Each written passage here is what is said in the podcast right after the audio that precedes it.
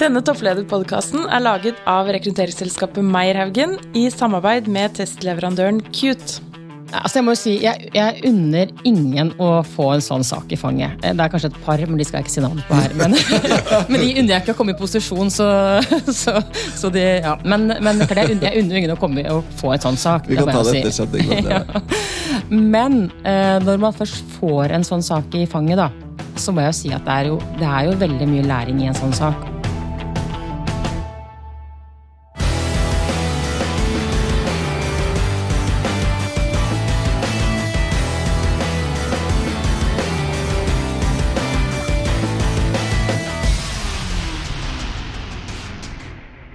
Ja, Sverre, I dag er vi så heldige at vi er en fantastisk spennende gjest i studio.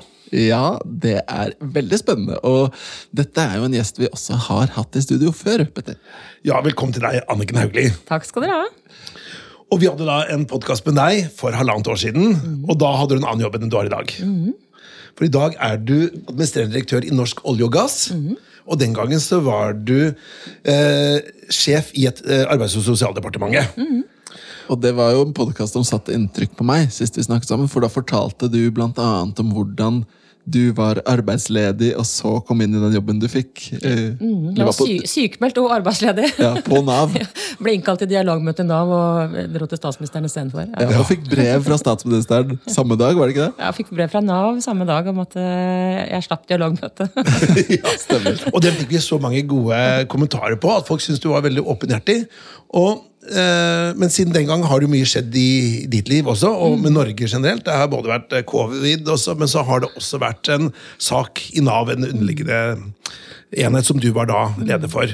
Og Du fortalte nå rett før sendinga at eh, dette er første gang du forteller litt åpent om den saken, og hvordan du opplevde det som person. Mm.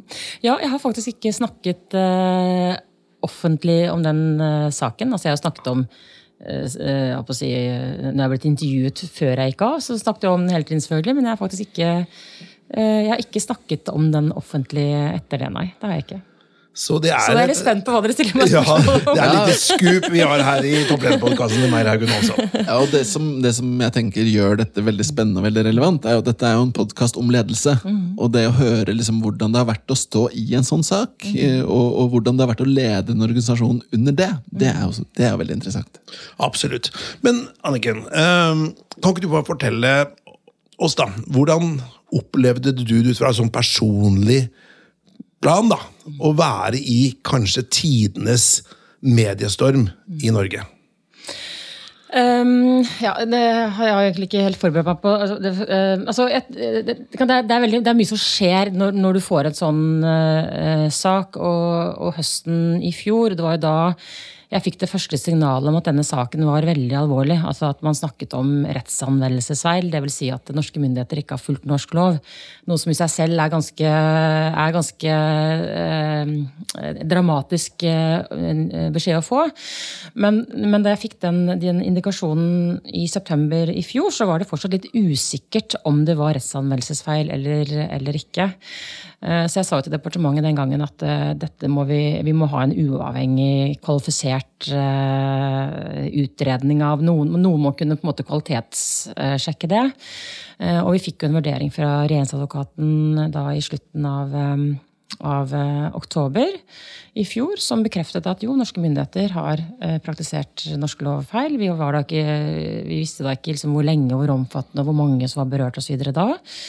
Og så gikk vi da ut på, eh, hadde vi en pressekonferanse en uke etter at vi hadde fått den beskjeden fra regjeringsadvokaten. Og det er klart at Jeg må innrømme at det var veldig spesielt å skulle gå ut etter så kort tid, relativt sett, da, eh, og fortelle at eh, norske myndigheter har brutt norsk lov. Alle dommer må settes til side, og alt må tas opp igjen på nytt. Fordi, sa, Vi visste egentlig ikke så veldig mye da, men det eneste jeg visste var at vi måtte gå ut med det og fortelle om det, fordi saken var såpass alvorlig. Og så og så tok det jo helt av, eh, ja. vil jeg jo si. Eh, med rette også, for det er klart at det er jo, det er jo alvorlig når, eh, når, man, når, man, går ut og sier at, at i verste fall så har folk blitt fengsla uten, ja. uten, at det har vært riktig.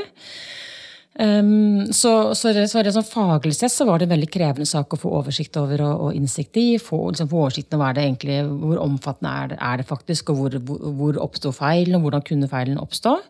Uh, og, så, og Der satte vi ned et granskingsutvalg også, som kom med sin, uh, sin utredning for bare et par uker siden. Uh, for Det var viktig å komme til bunns i saken og finne ut hva er det som har skjedd. Men det er klart at det å skulle lede en, en organisasjon i en sånn sak er jo også veldig vanskelig. fordi i det tilfellet her så traff jo den saken traff jo både departementet, en underliggende etat, Nav, og en annen underliggende virksomhet, Trygderetten. Så hele sektoren ble egentlig, som jeg har sagt internt tidligere, ble en sånn, følelse av å bli truffet av en torpedo midtskips. Uh, og det var jo uh, Og den, den, berørte på en måte også ansatte i departementet naturlig nok uh, veldig, veldig mye. Så det var ganske krevende tider, vil jeg jo si, altså.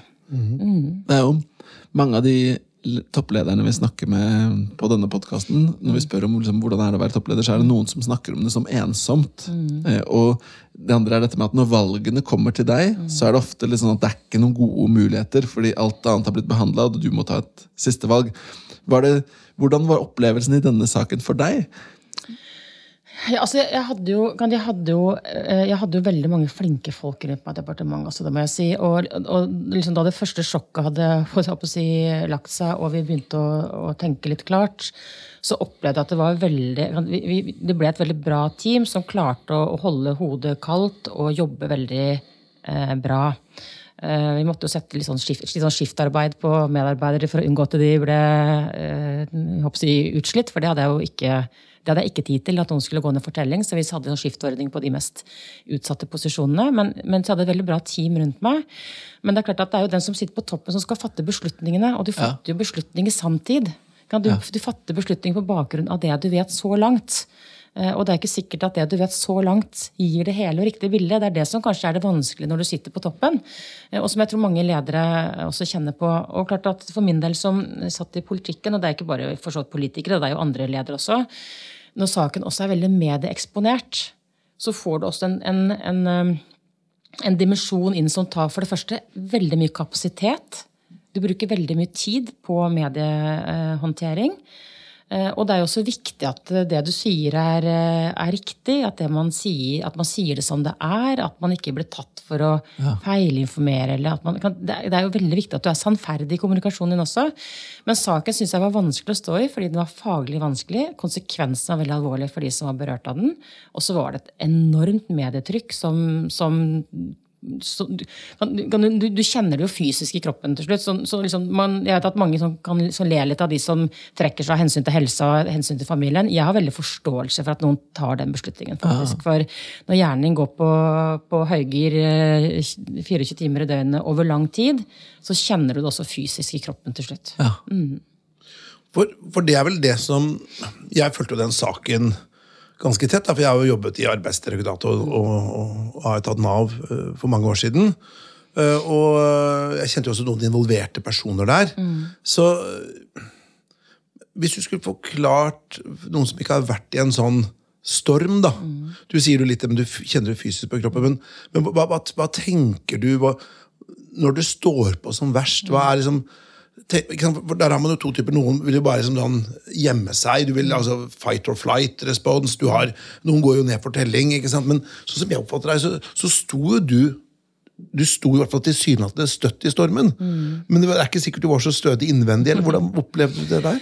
Um, jo, altså jeg følte nok at jeg sto ganske støtt for så vidt uh, i stormen. Men, men det, som var, det, som jeg syns var vanskelig kan, Det var jo de som er berørte, som var si, ofre i den saken. Det var ikke meg som var det. Men, men, men, det som var vanskelig, var jo på å ha oversikt over, over uh, altså, altså, ha oversikt over, kan, Til å begynne med så følte jeg jo litt som å gå ut i et minefelt med bind for øynene.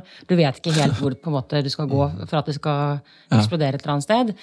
Men, men, men jeg tror liksom, jeg tror, det er jo noen ting som jeg tror er viktig da, når det står en sånn, sånn storm som jeg tror, skal, som jeg tror det er så viktig at du tenker gjennom selv også. Det er viktig at du tenker gjennom hva er dine egne begrensninger, hva, hva er dine egne, hvor, er det du, hvor er det du trenger støtte. da, ikke sant? Det er viktig at du får i at du, at du får sovet godt, at du får spist godt. Det siste man trenger, er jo at du mister nattesøvnen og, og ikke får spist, for da, da, klarer du ikke å stå i det.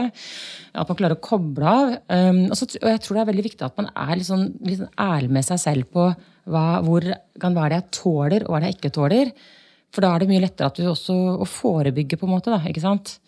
Eh, trekke litt i nødbremsen. Veldig mange tenker at liksom, du skal bare, du skal bare du, altså, du, du, skal liksom uh, gi alt, og det må du gjøre, men du må bare vite når du egentlig skal trekke litt i bremsen. Men det er jo interessant, fordi det er jo en veldig tøff sak å stå i, som, som vi snakker om. Og så så jeg må jo si at jeg synes det var morsomt når vi før sending nå, så spør vi liksom, er det ok om vi går inn og snakker om dette. Så, så er det bare tenker deg ikke om en gang, og sier du ja, bare kjør på. Mm. Jeg kan prate om alt rundt den saken, sier du òg. Ja. Jeg må bare si at det, det, er, eh, det er, tøft, da. Det er tøft. Ja, og, og, det som er interessant med det, da, det er at det virker jo som om du står i det stødig. Ja, Men jeg tror, jeg tror liksom, kriser har eh, kriser er, kriser er veldig ulike i sin art. ikke sant? Altså, Kriser som angår deg selv som person, er jo mye verre å stå i enn kriser som ikke handler om deg som person. Altså, har du rota med reiseregningene, eller har du altså, det, det, er sånne som handler om din egen etikk og moralintegritet. Eller vi har jo en fyr oppe i Trøndelag nå som også er er litt i hardt vær, da. Dette er jo da fredag uh, i, Hvilken dato er det i dag? Er det 20, 28. 28. Ja, så vi er midt oppi en sånn Giske-sak. Mm -hmm. Så det er også en sånn, en, den type kriser du ja, for nevner. Ja, for det er jo den type den kriser som handler om deg selv. Er det vanskelig for andre å hjelpe deg med på sett og vis også? Det du har rota ja. deg inn i, må du liksom rote deg ut av alt der på si også. Ja, Men denne saken, jeg opplevde ikke at denne saken egentlig handlet om om, altså, dette var en feil som det nå viser seg at det har vært begått i 1994. så er mm. liksom, jeg kan, jeg kan, ta ansvar for det jeg har gjort i min tid, men det er vanskelig å ta ansvar for alt som har skjedd ja. bakover i tid. Så jeg følte ikke at den, altså, det handlet ikke om meg som person. og ikke det, er, det er ingen som har trodd at det er jeg som har øh, bedt politiet å fengsle folk uten lov og dom. holdt jeg på å si. Men, men, men, jeg tror liksom ja, Når du står altså, jeg, jeg var også veldig bevisst på at jeg var veldig, veldig bevisst på hva som hva, altså når, Jeg merker veldig godt på meg selv når det blir for mye. Ja. Altså De første ukene så var det et enormt medietrykk. Uh, vi hadde vel Jeg tror vi hadde var det 175 medieanmeldelser den første uka. Uh, og den første perioden så måtte jeg ta alt selv. For å ikke bli beskyldt for å dukke og, uh, og gjemme med alt, alt sånt. Så jeg måtte ta alt selv. Og etter et par uker så sa jeg fra at nå, jeg, nå må jeg ta en mediepause noen dager. For hvis ikke så for jeg merket at jeg begynte å, liksom, Hjernen var som en sånn grøtbolle. altså Man begynner å glemme litt hva sa jeg til hvem, når. ikke sant? Og så var jeg veldig opptatt av uh, to ting, og det signaliserte også veldig tydelig internt. Jeg var opptatt av å si at alt det jeg skal si, skal være sant. Og jeg skal si det som det er. Ja. For litt erfaring er at når du skal forsøke å liksom være smart uh, i kommunikasjonen din, være litt lur, så er det mye større risiko for at du begår feil. Ja, og hvert fall når du har et samlet norsk pressekorps på nakken, da, som vil vri og vende på alt du sier. ikke sant? Ja, og du merker jo ganske, du merker jo også ganske fort når, uh, når det er uh, offentlige kriser hvor, hvor lederen forsøker å kommunisere seg ut av noe. Mm. Og det å være sånn altså, jeg tror, liksom du, hvis, hvis, jeg, tror, jeg tror, det er mye bedre, selv om det kan være smertefullt. altså jeg hadde et par sånne, Dette er jo en sak også som Eh, dette er, en, dette er en, sak som ikke har noen VG avsløreroppslag. Mm. Ingen Dagbladet avsløreroppslag. Så all den møkka dere leste om i den saken, den bar jeg fram selv. Periodevis må jeg si at det var ganske smertefullt. Du bare vet i ditt eget boll, nærmest? Ja, det var liksom, jeg tenkte at ok, nå har jeg sagt at alt skal fram med lyset. Da må jeg på en måte vise det med handling. At nå bærer jeg fram gjenglemte brev og dokumenter som burde Altså alt skal opp og ut. Eh, og det gjorde at vi unngikk jo da sånne Eh, av, avslører oppslag. Da. Så alt dere leste om, det har jeg, jeg fortalt deg om selv. Men du, jeg synes Det var veldig fin distinksjon det du sier. På, på, norsk så har man da ordet ansvar. På engelsk så har du, splitter man da det ordet. Man sier accountability mm. og responsibility. Mm. Du var accountable mm. for det som hadde skjedd, men du var ikke responsible For det, det var ikke du som hadde gjort en konkret feil, det var ikke du som, ikke sant? men du var jo ansvarlig som øverste leder. Og det er vel det du skiller mellom at? Hvis du sender inn en feil reiseregning med vilje, så er du både accountable and responsible. Men her var du bare accountable. Ja, kunne- du, måtte ta du måtte ta ansvaret for det, men det var ikke du som hadde gjort det.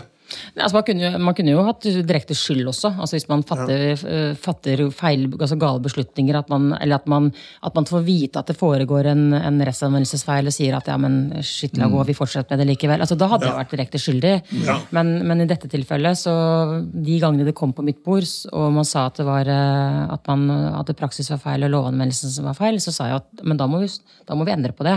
Vi kan ikke fortsette å gjøre noe som er lovstridig. Men i en sånn her sak, er det egentlig én person som har ansvaret? Er det ikke liksom en kjede av feil rekke? Altså, den, altså jeg, jeg, jeg, ikke, jeg er litt sånn redd for å skulle virke noen ansvarsfase. Det som jeg syns med denne saken, som som jeg håper kommer ut av den, er jo at alle involverte i den saken også ser på sin egen rolle i den. Da, ikke sant? Um, uh, så det, kan, det kan det se jo ut som om all retts, altså all, eh, at, at all rettsanmeldelse på denne saken baserer seg på en forsk, altså et rundskriv i en nedlagt etat.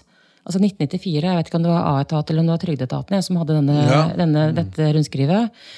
Um, og Sett fra et rettssikkerhetsperspektiv da, så tenker jeg at det er utrolig viktig at man lærer av denne saken og ser hvordan er det man så, Vi kan ikke være så tillitsbaserte at vi tar for gitt at alle andre har rett. Vi er nødt, til- altså, Domstolene har jo sitt selvstendige ansvar. Og departementet sitt ansvar. Og, ja, så Ja. Men hva med deg selv, da? Altså, Hvordan har Anniken forandret seg før og etter? Um, altså jeg må jo si, jeg, jeg unner ingen å få en sånn sak i fanget. Eh, Det er kanskje et par, men de skal jeg ikke si navnet på her. Men, men de unner jeg ikke å komme i posisjon, så, så, så de, ja. Men, men det jeg unner, jeg unner ingen å, komme, og få en sånn sak. Vi kan det ta det etter si. sending. men eh, når man først får en sånn sak i fanget, da, så må jeg jo si at det er jo, det er jo veldig mye læring i en sånn sak. Og, eh, og du, kan dette, du kan ikke lese deg til den type Du kan ikke lese deg til sånne erfaringer.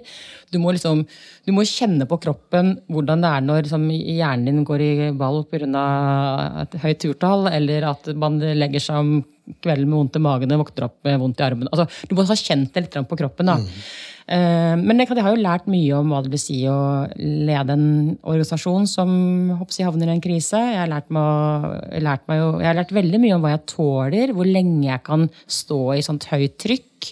Så man lærer mye om seg selv, da, og om eh, ledelse og om eh, hvordan man skal ivareta medarbeidere i en veldig vanskelig tid. Så sånn sett så alt i alt da, så har det vært, det har vært veldig, veldig lærerikt. Mm. Og jeg Har brukt brukte, langt, jeg brukte ganske lang tid på å gå, jeg måtte liksom gå meg ned etterpå også. Altså, adrenalinet var jo så, Ja, ja. kroppen var jo helt full. Jeg må spørre, Det er åpenbart at det har vært mye læring, men er, er det også noen arr? Eh, jeg, jeg vet ikke helt altså, om det er eh, det. Eh, jeg tror kanskje ikke det, men jeg var egentlig ganske flink på for jeg, er egentlig, jeg, har ikke noe, jeg har ikke så veldig sterk syke, egentlig. skjønner du så jeg, og, det er jo, nei, og, og det vet Oi. jeg jo. Sånn privat har jeg ikke det. Sånn at, eh, det er veldig overraskende, så egentlig ja, Men det vet jeg veldig godt selv. At jeg ikke, så, så jeg vet litt at jeg må passe på at ikke det liksom jeg kjenner litt eh, når det, nå må jeg roe det ned.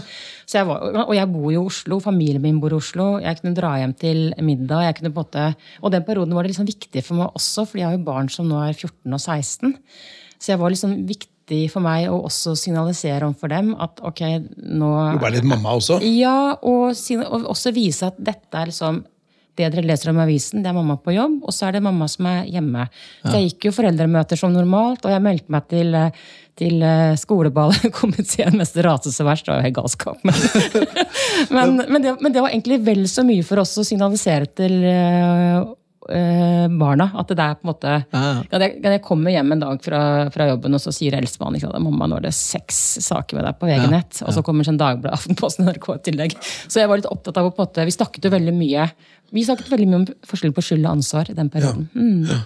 For jeg tenker sånn, eh, eh, i hvert fall Når man prater med de som velger ut folk til disse spesialtroppene, worldwide, da, men også i Norge, de, de sier at eh, hvis de da skal finne ut hvem som da takler stort stress da, og så, det er klart Du takler det på din båt i forbindelse med denne saken, her, men la oss si at hvis du er spesialsoldat i krig, stridssoner og, og ekstrem fysisk eh, utholdenhet, da, så sier de at det, det det handler om, er hvor lenge klarer du å stå i det og fortsatt tenke på den oppgaven du er satt til å løse?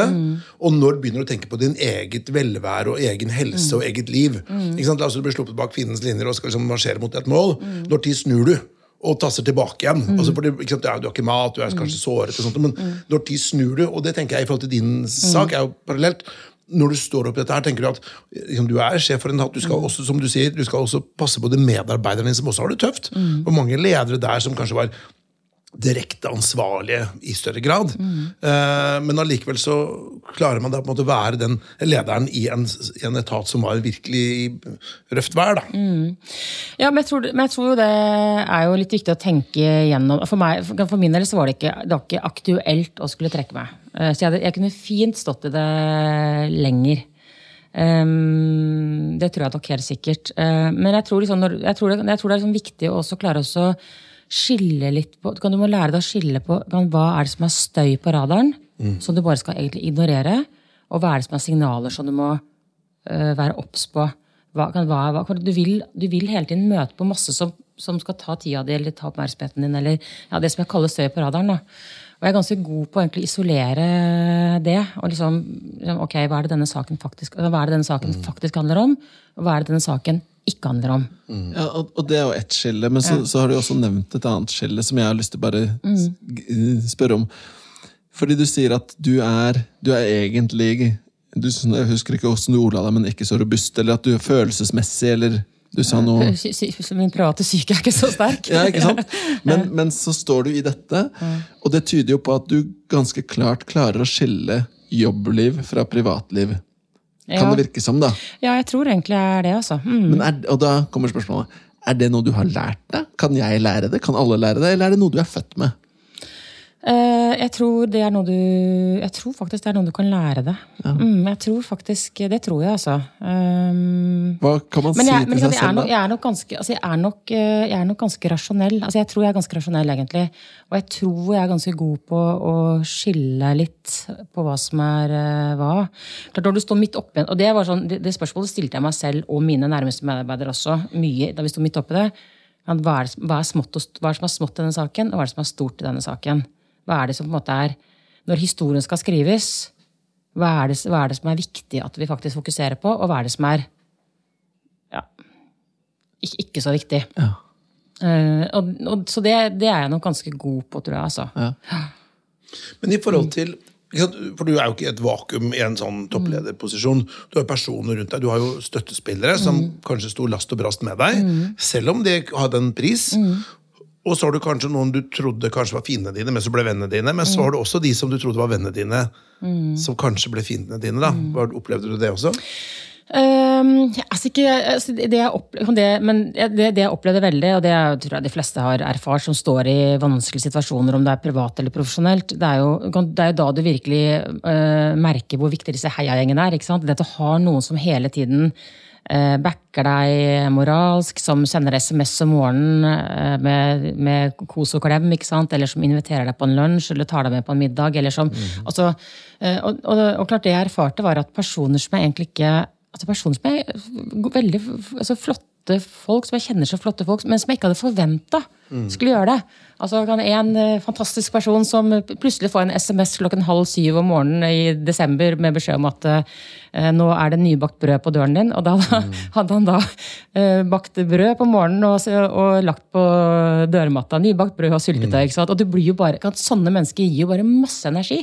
Ja. Eh, og jeg tror, og det, det har jeg nok også lært meg at når folk står i vanskelige situasjoner, om det er selvforskyldt eller ikke, så er de derre om det så bare er en liten SMS eller den lille 'hvordan går det med deg', utrolig utrolig viktig. altså. Det er kjempe, kjempegod bevisstgjøring. Ja, for det er læring. for Ofte så tenker man, Hvis du har eh, enten kompiser eller et eller annet som, som er i en tøff situasjon, da, og så blir man, man vil ikke bry seg, hva er riktig, man vil jo liksom tenke på hva er rett og galt. da.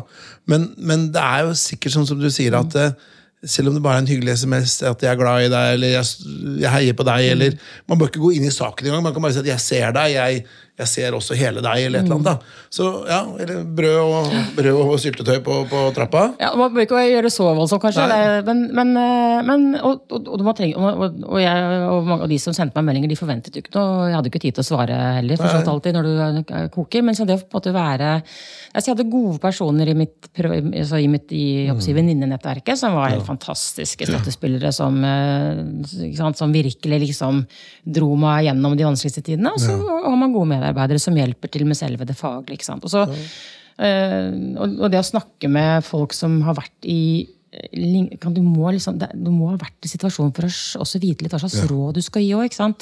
Så, så alle de som har vært i så vanskelige situasjoner i mitt nettverk som tok kontakt, så tenkte jeg at ok, jeg gidder ikke å spille helt. Jeg står i en vanskelig situasjon. Det er åpenbart at jeg står i en vanskelig situasjon. Det å late som noe annet er bare tåpelig. Jeg sier ja til alle som eh, spør om jeg trenger en prat. Ja, smart. Men det, det, det framstår jo nå, som vi snakket om, eller som jeg sa i stad, så, så framstår det som du, har, du står stødig da, i dette. Og prosessert dette. Ja, at du har prosessert det. Men hvis du ser tilbake, da, er det noe du skulle ønske du hadde gjort annerledes? Eller er det noe som kunne vært gjort annerledes? Eller? For det var jo liksom, saken var jo det den var. Ja, saken er den Ja, Det er klart at eh, Da jeg fikk saken første gang på mitt bord i februar i fjor, da eh, så, så Da ble den saken fremstilt som altså Da var den fremstilt som mindre enn det den viste seg å være.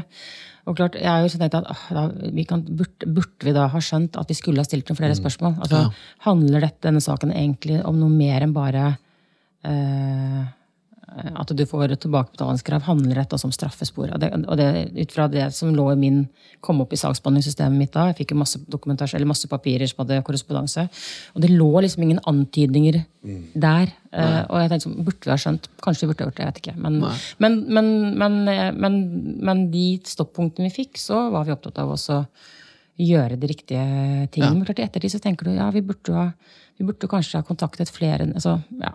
Ja, ja. Men, men, men det endrer liksom ikke på, det endrer ikke på saken som sådan. Men eh, noen sånne ting tenker man at man kanskje kunne ha Vi burde kanskje ha skjønt at eller her burde man kanskje ha tatt kontakt. Det er lett å ikke være etterpåklok, da. Ja, og det hadde ikke endret, det hadde ikke endret så mye på, på det som skjedde, kan du si. Utfallet Men hadde vært det samme. utfallet ville røftlig vært det samme. Mm. Jeg tenkte, vi, vi har jo dette med personlighet. altså Denne podkasten er jo også i samarbeid med Cute. Mm. og der bruker vi en eh, test som heter Shapes Executive. da, som, som, som går veldig på dette med personlighet for toppledere. da. Eh, og Sverre, Ja, og det, det er jo uh, veldig lett og, og basert på det vi har snakket om nå, og måten du reflekterer om dette, og disse rollene du har hatt og har, så er det ikke noen tvil om at du er jo en ledertype, vil jeg si, uh, Anniken. Men ser du på deg selv som en ledertype? Jeg gjør egentlig ikke det, altså. Jeg gjør ikke det, Så jeg er litt sånn overrasket over at jeg havna der jeg havna. for å være helt ærlig. kom litt sånn- kom brått på. Det kom litt sånn Ja, jeg vet Men hvordan, Men, hvordan var du som barn? da? Styrte du i sandkassa, eller gjorde du ikke det? nei, altså jeg gjorde Jeg var egentlig ganske sjenert som, eh, som eh, barn. Um, og jeg har liksom lurt på om, om, var, om, jeg, om det var fordi at jeg hadde en eldre storebror som jeg alltid kunne gjemme meg bak, eller om eh, eller eh, ikke. Men jeg, jeg var ganske sjenert som barn, og ungdomstiden så var jeg ikke det. Da var jeg, da var jeg ganske ekstrovert, altså. Ja. da, da var jeg den gjengen som det vokste på deg. Jeg vokste på meg mye støy og bråk. Vi har, Men det var ikke sånn russe, russeformann og sånn? Eh, ja, jeg var nestformann. Ja, det, Ja, da. var du Ja, da, jeg, var, jeg var elevråd på ungdomsskolen. Jeg var, nei, da, så, jeg, jo da, Hvor var det du vokste opp hen, Anniken? I Ski. Ski, ja. Ja. Follo, Follo-området? det? Ja. Mm. Det som nå er Nordre Follo kommune. Nei, men jeg, jeg, så jeg påtok meg å lede altså de som, eh, de som kjente meg fra den tiden, de er ikke så overrasket over at, jeg- at jeg har tatt på meg lederposisjoner. For jeg gikk jo liksom inn i elevrådet og russestyret og gjorde alt dette her. sånn, så, men, eh, Men, men var, det, var det litt sånn der, bare fordi ingen andre gjorde det, eller var det fordi du mente ting? Eller var det mente fordi... mye, altså. Ja, Mm. ja. Mente mye og likte å bestemme. Ok, så det er noe der, da. ja, da, det, er, det er det, altså. Hvis jeg har tenkt meg opp, så er det det. Men, Nå, nå skal jeg ta, altså, stille deg altså Shapes Executive, testen fra Qt, den har jo noen trekk. Den har mange trekk. Men noen av disse trekkene mener man da laster inn på ledelse. Nå skal jeg lese opp noen sånne personlighetsfaktorer eller egenskaper, og så skal du svare ja eller nei på om du har de egenskapene. Er du klar? Ja. Vil du si at du er overbevisende? Uh, ja, er jeg det, da? Jeg kan kanskje være det. Jeg er litt usikker. Ja, kanskje. ok. Hensynsfull. Ja. Ja, den kom fort. Resultatfokusert. Ja. Ja, det kom også fort. Besluttsom. Ja. Ja. Teoretisk. Nei. Nei. Optimistisk. Nei. Nei. Uh, behersket. Ja. Ja. Så du legger bånd på deg. Ja. Uh, entusiastisk. Ja. Ja, og det vil jo jeg si. altså Det ser jeg jo, eller det mener jeg å oppfatte. da. Veldig interessant. Eh, det jeg har lyst til å spørre om det er, eh, Du kom med et lite sånn humring når du sa nei på optimistisk. Hvor kom den fra? Eh, nei, jeg er egentlig Men jeg har lært meg å bli mer Jeg faktisk jeg har lært meg å bli mer optimistisk, men det tror jeg er fordi jeg ikke orker og noe annet. Men jeg har alltid vært litt katastrofetenker, faktisk. Så, og, og mannen min Men er er sånn doomsday prepper? Ja, altså, Mannen min er veldig optimist. Uh, Ja. og jeg prøvde også, jeg prøvde også å unnskylde meg en gang da, eh, ved å si at eh, liksom tenkte alle de, alle de katastrofene jeg har vært godt forberedt på. Og så sier han at eh, jeg tenkte alle de eh, bekymringene jeg aldri har hatt. Så det er jo avhengig av perspektiv. Nei, så jeg er, har nok vært litt sånn katastrofetenker, men jeg har med årene eh, lagt det litt av meg, for det er rett og slett litt slitsomt. man, må være litt, man må ha troa på framtida. Ja. Tror du, altså, det, det du beskriver nå, da, det er jo at eh, på noen områder i hvert fall, så er eh, mannen eller samboeren din Mannen mannen mm. er, Han er litt annerledes enn deg? Er det over flere faktorer, eller?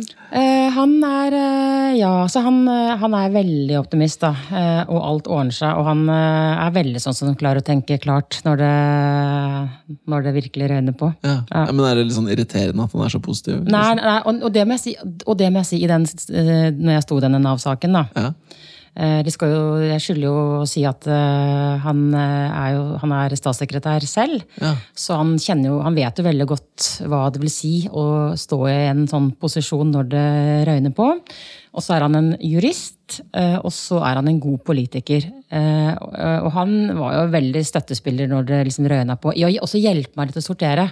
Hva, hva, er, hva er smått og hva er stort? Og, og, og, ja, så han også var ganske god til å hjelpe meg å tenke klart. Altså. Mm. Men bare kjapt spørsmål der. Uh, man er jo et regjeringskollegium, Mm. da. ikke sant? Du har jo da selvfølgelig Erna Solberg, statsminister, og så har du da statsrådene rundt. Mm. Hvordan var de i en sånn situasjon?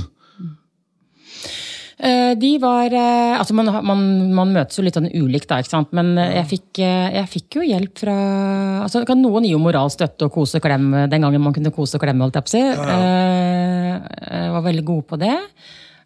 Og andre var jo også veldig gode på å hjelpe Altså liksom gi gode råd, da. ikke sant? Så hadde jo mye glede av uh, utenriksministeren Ine. Hun har jo norgesrekord i kontrollhøringer. Så hun var jo veldig, en veldig god person å lene seg på når jeg skulle inn i kontrollfasen, sant? Så, mm. Men, men, men kan du få en sånn melding fra la oss si Erna, da? Mm. Hun sier du, Anniken, dette fikser vi. Dette går bra. Jeg har ryggen din. Mm. Er hun en sånn person? Ja, altså, jeg kunne, men jeg kunne ikke ha stått i den saken hvis jeg ikke hadde hatt hennes tillit. Nei, Eh, men nå tenker jeg på det personlige. ja. tenker ting er det som faglig, men kunne du få en sånn der eh, Du, han får en bamseklem av Erna, eller en tommel opp, eller du Er hun en sånn person som Altså, hun eh, Både ja og nei, egentlig. Altså, hun, hun er jo Hun, hun backer jo statsrådene sine veldig, og jeg var jo, vi hadde jo samtaler eh, underveis. Men samtidig så er det også sånn at eh, på dette, altså en- enhver statsråd må påregne at man får en krise i fanget. Og det må det liksom også du, du kan ikke ringe mamma hele tiden. Du må, Nei dette må du på en måte vise at du håndterer. Men- men ikke sant? og det man, det man gjerne sier også er at det at hun ikke ringer, er et godt tegn. Det er verre Ja. hun du begynner å ringe. Ja, nettopp. Ja, ja, ja. Men, jeg hadde spørsmål om er, Har hun, i hvert fall sett utenfra, så virker hun som en superlugn og kompetent og flink person. Jeg har egentlig veldig sansen for Erna, jeg. Mm. men er hun altså den varme liksom, Når hun ser at liksom, flokken blir angrepet, er hun litt den der som- Hun er en veldig god leder, vil jeg si. Altså. Mm, hun ja, men ikke, eh, men ikke ja, ok. Nå skal ikke denne podkasten handle om Erna spesifikt, men hvis vi ser på de rundt deg, da, fordi i næringslivet så er det jo sånn i store organisasjoner så snakker man om ulike typer.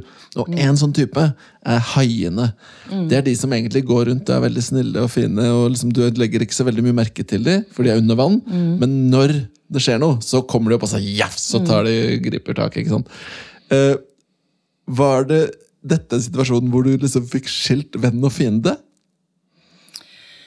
Um, ja, litt. Ja. Det er litt, ja. Men du kan si at jeg forholdt meg jo til Jeg forholdt meg til Stortinget, da, ikke sant. Uh, og, der, uh, opple og der opplevde jeg jo mye spill, ikke sant. Ja. Uh, jeg gjorde jo det. Samtidig som det var jo flere som var veldig sånn Kunne være veldig sånn støttende sånn off the record, liksom. Mm. Og så ikke helt eh. Ja, det er. Det de haiene litt den, snakker om. eh, Men det er jo en del av det politiske spillet òg, da. ikke sant? Ja. Men Er det litt deilig å være ferdig med det, eller, sånn, eller nå for en liten stund? eller er det Ja, samme Veldig, veldig, veldig, veldig, veldig deilig. Men liksom, dagen etter jeg ikke var det vel, så fikk jeg en hyggelig SMS fra Jonas Gahr Støre. Så det er jo Ja. ja. Så, så det også er en del av politikken, da. Men du, eh, nå har vi i hvert fall prata litt om eh, Nav-saken. Vi har prata litt om deg som person. Veldig Men, interessant. men vi har også lyst til å prate litt om din nye jobb. da administrerende, dør- eh, administrerende direktør i Norsk olje og gass, og de er da en del av NHO. Kan ikke du bare veldig kort fortelle hva er det du gjør da, hva er viktig for deg å få gjennomført i den jobben? Ja. Nei, altså, eh, Norsk olje og gass er en bransjeforening for eh, da, eh, olje- og gassbransjen. Eh, ikke bare de som driver med olje og gass, man har også åpnet opp for eh, fornybar industri og for eh, mineralutvinning til eh, havs. Det er ca. 110 eh, medlemmer, både de klassiske oljeselskapene, men også mange av leverandør, leverandørindustrien. Um, det er jo en viktig bransje, da, som er Det er vel Norges Man kan jo faktisk si at det er Norges viktigste næring. Både når det gjelder skatteinntekter til fellesskapet, og, til, og når det gjelder arbeidsplasser langs hele, hele kysten. Så det er en veldig viktig næring, og det kommer til å være en veldig viktig næring også de kommende tiårene, nettopp fordi den genererer ja, For det første, så den, ja, Skatteinntekter helt, er, det er ingen bransje som produserer så mye penger, og det skal vi være glad for. Jeg leste det at det var ett, eller 14 000 milliarder kroner siden starten har uh, olje og gass dratt inn. Penger, det òg? Det er penger, det òg. Og det er klart at sånn som i mars, da, i forbindelse med krisepakkene, som Stortinget vedtok, så man svidde jo av tredjedel statsbudsjett på kvarters tid, eller noe sånt. Eh, Og det var jo oljefondet man tok de pengene fra. Så, så, og det, så det kommer til å være en viktig næring framover for Norge, fordi den genererer inntekter og arbeidsplasser over hele landet. Enormt mye kompetanse og teknologi som den bransjen produserer, og som andre næringer får og kommer til å få veldig stor glede av. Og så er det en kjensgjerning at verden trenger energi. Eh, Den kommer til å trenge energi, altså økt produksjon også, fordi vi blir flere. Energi er en av de viktigste faktorene for å, komme, for å løfte folk ut av fattigdom. Det er jo en av bærekraftsmålene, er jo tilgang på affordable energy, som man sier. Um, og man klarer ikke også å dekke det behovet med fornybar. Man må bruke fossil energi også i mange år framover. Og da mener jeg at norsk og klart, Nå har jeg selvfølgelig også betalt for å si det, men jeg mener altså er reelt eh, og faglig riktig også at når verden trenger energi, og man trenger fossil energi, ja, så skal jo selvfølgelig Norge være med å levere det. Også, både fordi det er bra for Norge, men også fordi at norsk oljenæring eh, eh, produserer bedre eh, og mer, altså mindre miljøskadelig enn eh, snittet av resten av eh, de oljeproduserende landene. Vi har mye mye lavere karbonavtrykk i vår produksjon enn det man har i andre lands produksjon, pluss at vi har et også høyere fokus på generelt helse, miljø og sikkerhet. Men for å spørre, da, for å ha sett fra utsiden. eh, hvor mye av fokuset i jobben din, hvis du tenker liksom målet, det dere skal få til, agendaen deres, hvor mye av det handler om å eh, bevare retningen der nå, eller liksom egentlig forsvare seg mot den grønne bølgen? da? Men eh, nei, altså, det er ikke å forsvare seg mot den. fordi eh, denne bransjen har jo vært egentlig, har jo holdt på egentlig mange, mange år med å gjøre, altså gjøre utslippene, altså være mer klimavennlig i utslippene. Altså på, på Sleipner har man jo drevet med karbonfangst og -lagring i 20 år eller noe sånt. Eh, Jeg var og besøkte Lundin i dag, som har som målsetting å være karbonnøytral innen 2030. I januar i år så leverte jo hele bransjen en felles klimaplan om at man skal ned 40% innen 2030 og nei, null i 2050. Man jobber med elektrifisering på sokkelen. Så, så næringen selv gjør jo nå veldig mye, og har gjort, har gjort lenge, og, og holder på nå, og intensiverer arbeidet med å skulle bli mer klimanøytrale. Så, så det pågår mye. Men er det da klimanøytrale i produksjonen, da? Ja, i produksjonen. Mm. Men det er jo en viktig del av det hele. da, ikke sant? Det er, det er jo noen tonn, tross alt. som kan Norge, er jo, kan, Vi har jo CO2-avgift, det er det ikke mange, det er det ikke alle land som har. Vi er en del av kvotesystemet, så man betaler også ganske mye av på avgiftssiden. Og det er jo bransjen også for. Hva vil du si er, hvis vi, vi prater jo ofte om distrupsjon da, i mange bransjer. Og oil and gas, uh, hva skal jeg si, det er vel få bransjer som står foran en større utfordring de nærmeste hva skal vi si, uh, generasjonen. da, Eh, Hvor du tenker um, synet på olje- og gassnæring er jo i, i beste fall litt blandet. da, Kanskje mellom ny, eller nye generasjon som kommer fram, og, og foreldregenerasjonen i forhold til Hva, hva, hva tenker du da? Hva, liksom, hva tenker du som ja, leder for den eh, foreningen? Altså, man, man, eh, altså Oljeproduksjonen kommer jo til å fases ut over tid, rett og slett fordi at reservoarene tømmes. Altså, det, det blir tomt på et eller annet tidspunkt, men, men det kommer til å være flere tiår før, det- før det skjer. Um, ja, altså den, og jeg, jeg syns egentlig hele energidebatten er veldig polariserende og polarisert. også alt fra vindmøller til eh, vannkraft. Alt som har med energi å gjøre, er egentlig veldig uh, polarisert debatt. Eh, og det, jo, det kan også være et generasjonsskille, kanskje. Men samtidig så opplever jeg jo at um, støtten til bransjen økte, har økt veldig de siste halvåret. Og det er nok også fordi at flere har sett betydningen av den. Altså Én ting er på en måte de 200 000 arbeidsplassene som er i næringen eller koblet opp til næringen. Men også eh, altså, altså, hotell, drosjesentralene eller drosjene i, i Stavanger, bakeren på altså, alle, Veldig veldig mange påvirkes jo av at næringen, eh, at næringen går eh, bra. Men og da skal jeg stille et Og det, spørsmål. og det er- kan jeg bare si også, også sånn, det, og det som, var nå, det som skjedde nå i, i vår også. Eh, operatørselskapene, de, mange av de hadde nok for så vidt eh, Det var ikke helt kritisk for dem ennå. Men for leverandørindustrien, som nesten ikke hadde klart å komme seg opp i knestående engang fra forrige oljeprisfall, mange av de sier jo at hvis ikke man hadde tatt noen grep nå, så ville de ha brukket ryggen og Ja. ikke klart å reise seg igjen. Men er det det er denne, Hvis vi ser på dette med miljøet, da, og at, ta ut eh, reservoarene som man snakker om, så er det jo en, del av debatten her. i Miljødebatten handler jo om å minske etterspørsel etter olje. For så lenge det er etterspørsel, så vil det jo være en, eh, naturlig og viktig at man tar ut, kanskje. Så bør man jobbe for å minske etterspørselen etter olje? sånn som du tenker? Eh, i, eh, altså, jeg tror Hele fornybarsatsingen handler om at du skal kunne altså, ha, øke produksjonen av fornybare altså sol, vind og vann. ikke sant? Eh, men men det, er til, det er veldig veldig lenge til at fornybarressursene klarer å dekke inn etterspørselen. Eh, Og i all den tid man ikke klarer å gjøre det, så mener jeg at så lenge man skal verden ha fossil energi, altså skal det være Norge som produserer. Men vi, vi utgjør 2 da, av produksjonen i verden. Så hvis vi skrur av krana i Nordsjøen, så går det stort sett kun utelukkende utover oss selv, uten at det kommer til å bedre klimaet i særlig nevneverdig grad, for å si det sånn. Ja. Og så er det vel, jeg tenker at eh, når når du ser på andre land, og i i covid-19, da, vi er jo ikke helt ferdig med den enda, så er det jo at eh, det er jo store utgifter hos alle land i verden med, med krisepakker og arbeidsledighet og, og opp, av sykehusvesenet og sånn. Og de aller fleste landene vet jo at den, den regninga må du betale senere. Altså ved høyere skatter og, og avgifter. Eh, nabolandene våre får en kjemperegning. Eh, både bedrifter og, og privatpersoner. Mens i Norge så tar vi de bare pengene av oljefondet. Eh, så det er jo en sånn det er jo en pengebinge som er også til det gode. da. Du får bedre sykehus, du får bedre skoler, du får bedre mange ting. Dette fordi du har de pengene. da. Så det er liksom ikke sort-hvitt heller. da. Ikke sant? Nei, men samtidig så tenker jeg også, det er også viktig å huske på at den, det oljefondet, denne sparebørsa vår, det er jo våre barns eh, pensjonspenger. Ja. Så hvis vi tømmer den, så, så vil jo våre altså, vi, vi, vi bruker jo da ganske mye oljepenger inn i budsjettet. Eh, Vi blir flere og flere eldre eller personer som ikke kan forsørge seg selv, som skal forsørge seg andre, dvs. Si de som er i jobb. Ubalansen kommer til å øke framover.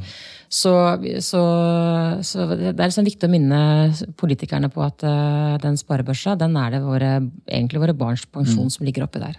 Men nå har lyst til å stille, hvis vi, vi, var jo litt personlige i stad. Jeg har lyst til å stille et personlig spørsmål om din nåværende jobb. Har du det gøy på jobb? Ja, jeg har det veldig gøy på jobb. Det er litt krevende å komme inn som leder i en ny organisasjon som er fordelt på to lokasjoner. Stavanger, Stavanger er hovedkontoret. Ja. Distriktskontoret er i Oslo.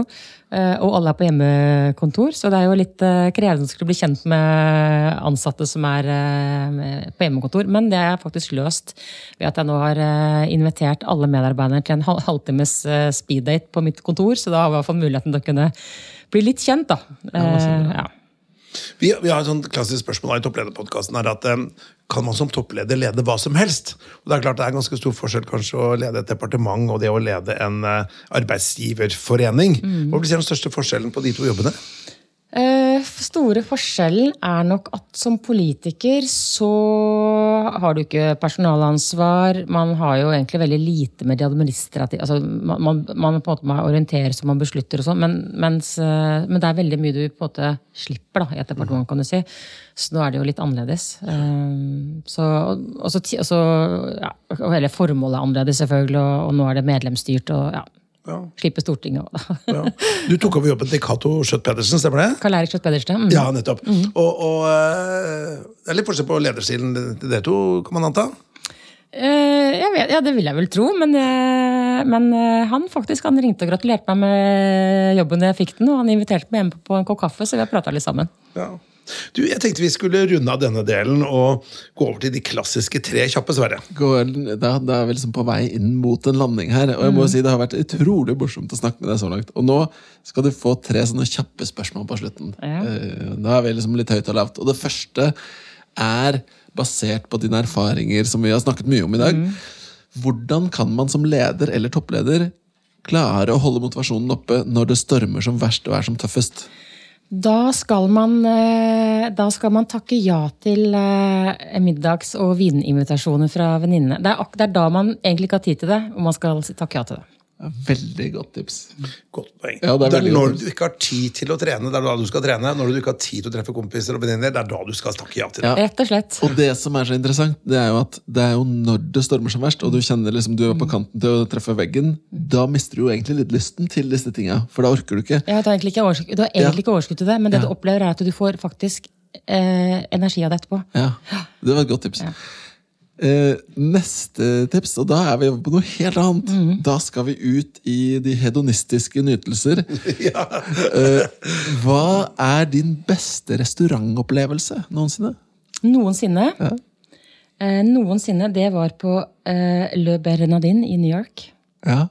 Hva slags eh, type Det er en er det? veldig god Det, skal, det må jo høre til historien at det var, min, det var bryllupsreisen vår. Vi hadde jo små barn, så vi lot barna være hjemme en helg, og så dro vi til New York. Og da booket vi bord på en det er vel eh, japansk-inspirert Michelin-restaurant. som var helt fantastisk. Oi, oi, Jeg oi. har lyst til å dra dit, jeg. Ja, jeg ja. Hva var det du sa den het igjen, sa du? Le Bernardin. Ah, jeg ble skikkelig sulten. jeg, da. Ellers kan, jeg, ellers kan jeg anbefale Everts sjøbod i Grebbestad, som også er en fantastisk opplevelse. I, I Oslo, da? Um, sist uh, ja, det er, det er, Oslo er veldig bra på restauranter, syns jeg. Uh, rest er veldig bra. Ja, det er de som bruker Rest, Ja. Yes, Der spiste jeg både nyretapp og hanekam. Det er Ja. litt uvant på menyen. Fantastisk. Mm. Jeg har også spist nyrekam en gang. Jeg jeg fikk ikke like lyst til å gå på det. Jeg får ta anbefalingen, da. Ja, Eh, siste spørsmål er Nå kommer høsten. Med, for de som driver med jakt, så er jo det en fantastisk tid. Men eh, for mange så er det jo mye sene, mørke kvelder med regn og uvær. Eh, anbefaling til serie eller film som man kan ta med en kopp Ja, te? altså Nå håper jeg at Stranger Thing eh, kommer med sesong Er det tre eller fire? Jeg husker ikke. Ja. Det, jeg har jo ventet på at den skal komme nå. Jeg, jeg ser egentlig veldig lite på TV. Det er sånn paranormal eh, Ja, helt riktig. Den er, eh, det er faktisk en av de få eh, seriene som jeg ble hekta på da den kom, faktisk. Og den er veldig fin, og Ja, den er litt den så creepy. Ja, veldig creepy. Men det morsomme med den er jo at jeg er jo en gammel sånn rollespiller. sånn at i starten, helt i starten, når de gutta sitter og spiller rollespill, da fikk jo jeg flashback til barndommen. Ja, Mannen min er det fortsatt. Ja, jeg er også det. Har du et tips i en serie, da, Sverre? Eh, altså jeg tror kanskje jeg har tipset tidligere om Peaky Blinders, som er liksom min kanskje favorittserie av alle. Peaky Blinders, Fantastisk filming, fantastisk musikkbruk og lyssetting og skuespill. Og egentlig, Så det er nok den jeg må stå ved nå. altså. Ja, ja. Altså, det er klart det er jo veldig mye sånne opplagte valg her, men en som jeg og kona har sett mye på, det er um, Babylon Berlin. Gikk på NRK. for uh, Det er om uh, Tyskland i mellomkrigstiden. Veldig interessant å se noe annet som er eng enn en engelsk og, og amerikanske ting. Og uh, det er uh, fantastisk spennende, i hvert fall hvis man er litt interessert i historie, psykologi. Ja, Det er veldig bra. Babylon Berlin på NRK. altså. Topp, Ja, det er bra. Da, da føler jeg vi fikk liksom løftet opp med en litt sånn lett og fin avrunding. Lettbent. En lettbent avrunding. Ja. Men tusen takk, Anniken. Det er veldig gledelig å ha deg i studio her. Og jeg må bare si at eh, Eh, ja, du er en ordentlig tøffing, og, og Jeg kan- ønsker deg all lykke til videre. Jeg kan si det med andre ord enn det Petter prøver å si. Det er at Måten du nå har reflektert over disse tingene og behandler disse tingene, det er forbilledlig. Jeg synes det er kjempeimponerende. Og tusen takk for praten. Tusen takk, så vi håper at uh, lytterne tenker på samme måten. Da. det, er det, er, det er ting jeg ikke har snakket om før, så det blir litt sånn ufiltrert. Men tusen takk for at vi kom med. Har du innspill eller kommentarer til denne podkasten, kan du sende en e-post til toppleder at meierhaugen.no.